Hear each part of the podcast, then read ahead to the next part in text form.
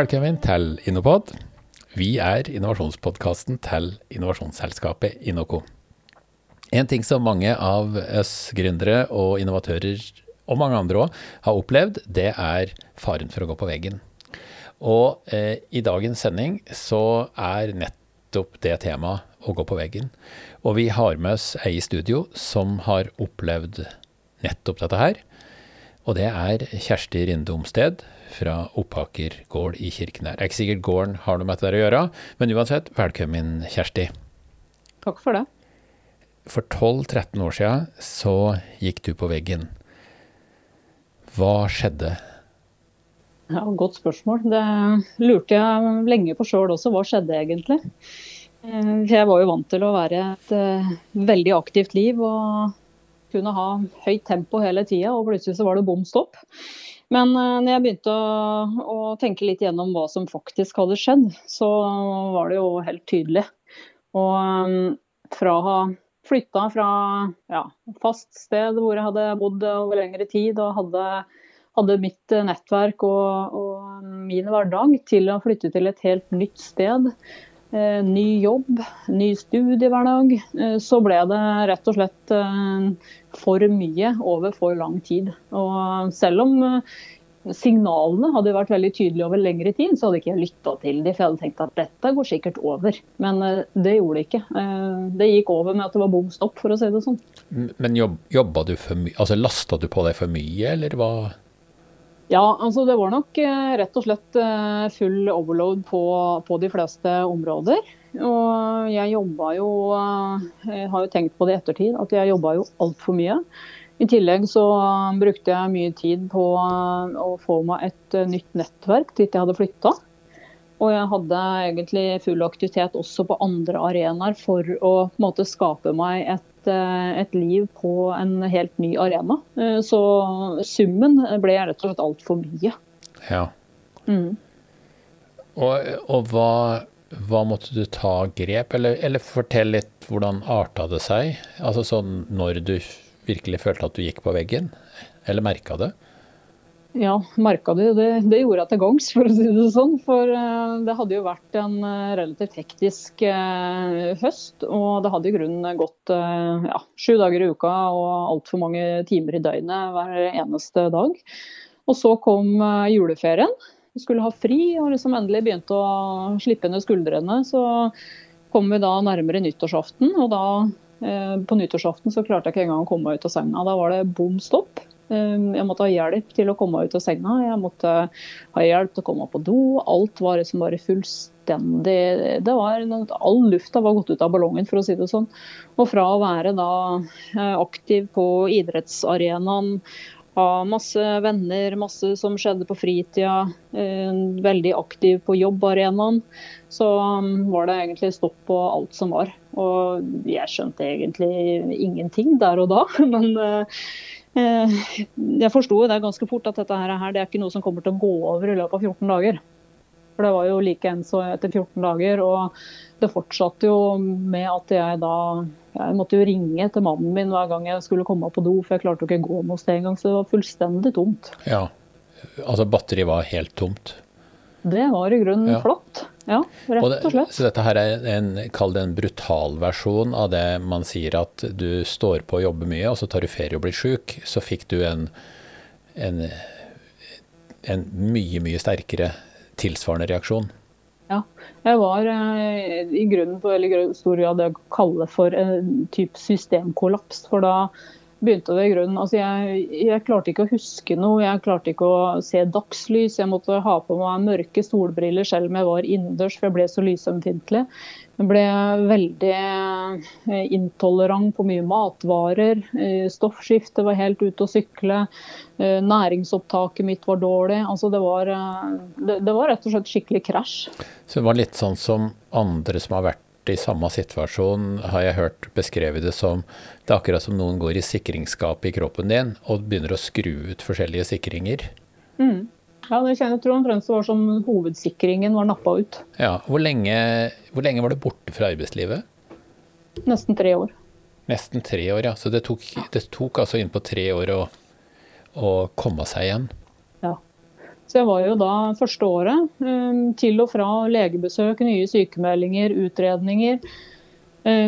Fikk i grunn ingen hjelp av det offentlige helsevesenet, fordi at det var ingen som hadde noe positivt å bidra med i forhold til det som var mitt behov. Så når jeg da kom til ett år på sykemeldingsdato og skulle over i arbeidsavklaringspenger, så husker jeg spurte legen hva, hva kan du tilby meg nå som er annerledes enn det jeg har fått tilbud om eh, det siste året som jeg har vært igjennom. Og da fikk jeg vel i grunn beskjed om det at nei, det var i grunnen ikke noe spesielt annet enn det vi hadde holdt på med. Så tenkte jeg OK, eh, jeg skal tilbake. Jeg skal bli frisk. Eh, jeg skal ha tilbake livet mitt. Og da tenkte jeg da må jeg finne veien sjøl. Så da sa jeg at jeg friskmeld meg, jeg skal finne ut av dette sjøl. Så det er kanskje en litt annen måte å komme seg tilbake på enn det eh, mange andre har, eh, har gjort. Men jeg fant ut det er min måte som jeg faktisk kan eh, komme meg tilbake til et, et verdig liv som fungerer. Ja, du, du nevnte innledningsvis at det mangla ikke på signaler. Hva, beskriv noen sånne signaler, sånn at lytteren òg får noen knagger å henge det på. Altså, jeg var jo i så full fart hele tida at jeg klarte at jeg var jo full av adrenalin eh, hele tida. Så utfordring bl.a. med å finne ro, falle inn i søvn og ha søvn som var vedvarende hele tida gjennom natta. Ehm, etter hvert så kom det mye annet som begynte å, å gå i retning av matintoleranser. Eh, muskulatur som eh, følte at jeg liksom ikke ble kvitt melkesyra etter jeg hadde trent. Eh, så liksom, det, det, var på veldig mange ulike nivåer.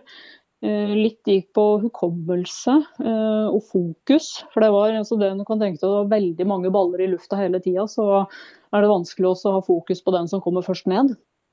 Eller å sammenligne med et, eh, en PC eller en telefon som har veldig mange åpne programmer og prosesser som går samtidig, så blir det til syvende og sist lite ressurser på hver av de åpne programmene. Ja. Da, til syvende og sist så blir det shutdown og stopp.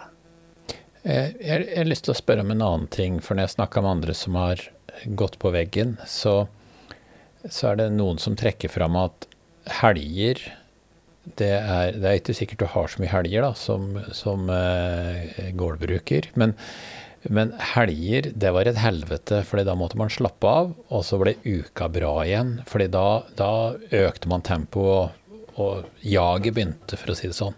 Mm. Er det noe du kjenner deg igjen i, eller, eller var det annerledes for deg?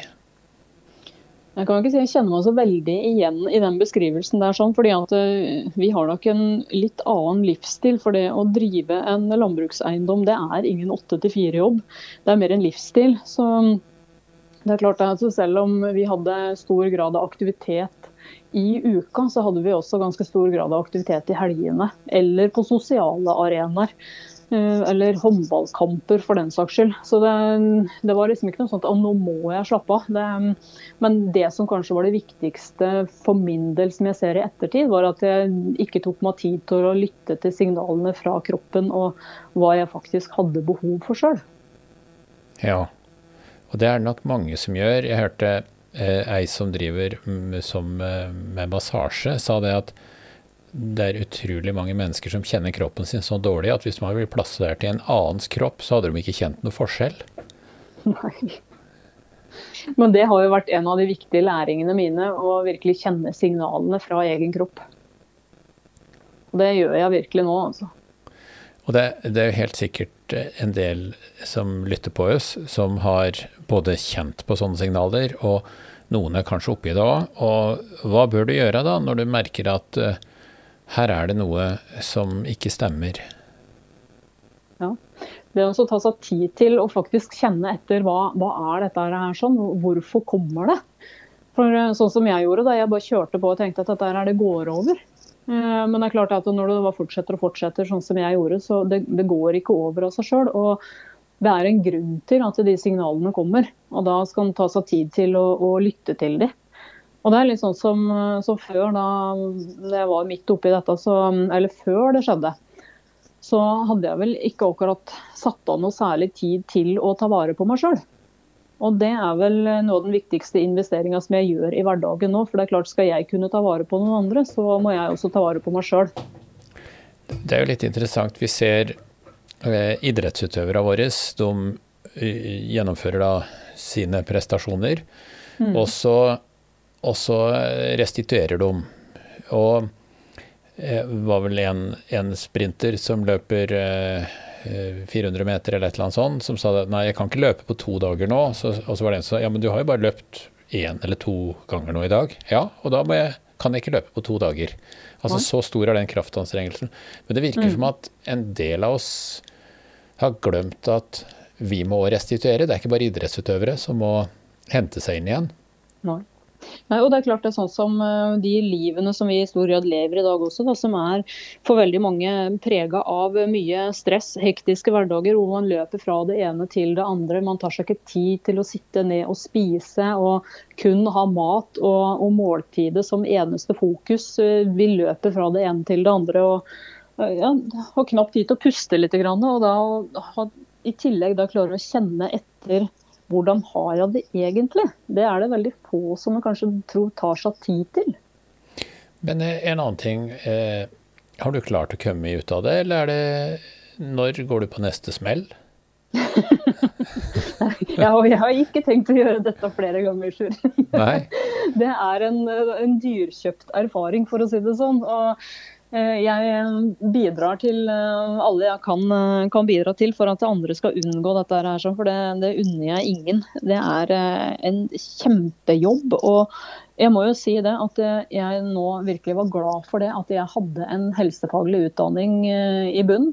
Og hadde på en måte en base å bygge dette på i forhold til å skulle bygge opp egen kropp og egen helse. Og det, det, fikk jeg virkelig bruk for. Altså, for det var eh, for min del å finne veien ut av det. Det var basert på at jeg sjøl fant eh, trinn for trinn i trappa. Mm. Det er eh, eh, Altså det å gå på veggen eh, Det er jo ikke alle som overlever det heller. Men å gå på veggen eh, har jeg også hørt beskrevet som et kurs i livets skole. Som er så jævlig at du unner ikke din verste fiende det, men jeg er glad for å ha fått det sjøl. Mm.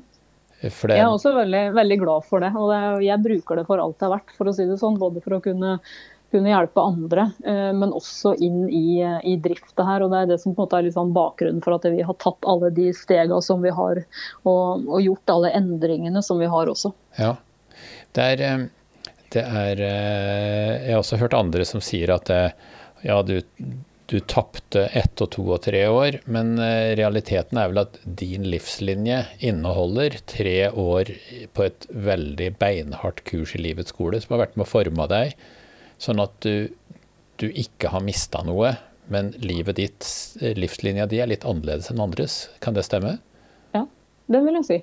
For det er klart det er, Du kan sammenligne det med å gå et knallhardt løp når du skal Eh, drive innenfor utdanning, om du jobber med et uh, hovedfag eller du driver med masteroppgave eller hva du enn gjør for noe. Bare at dette varer enda lengre, og du får ikke et eneste studiepoeng ut av det. Er ikke noe du kan lese deg til.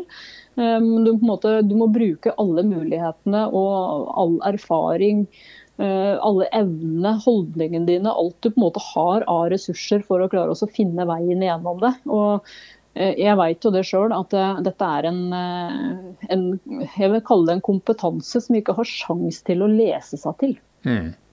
Det kan man ikke. Nei.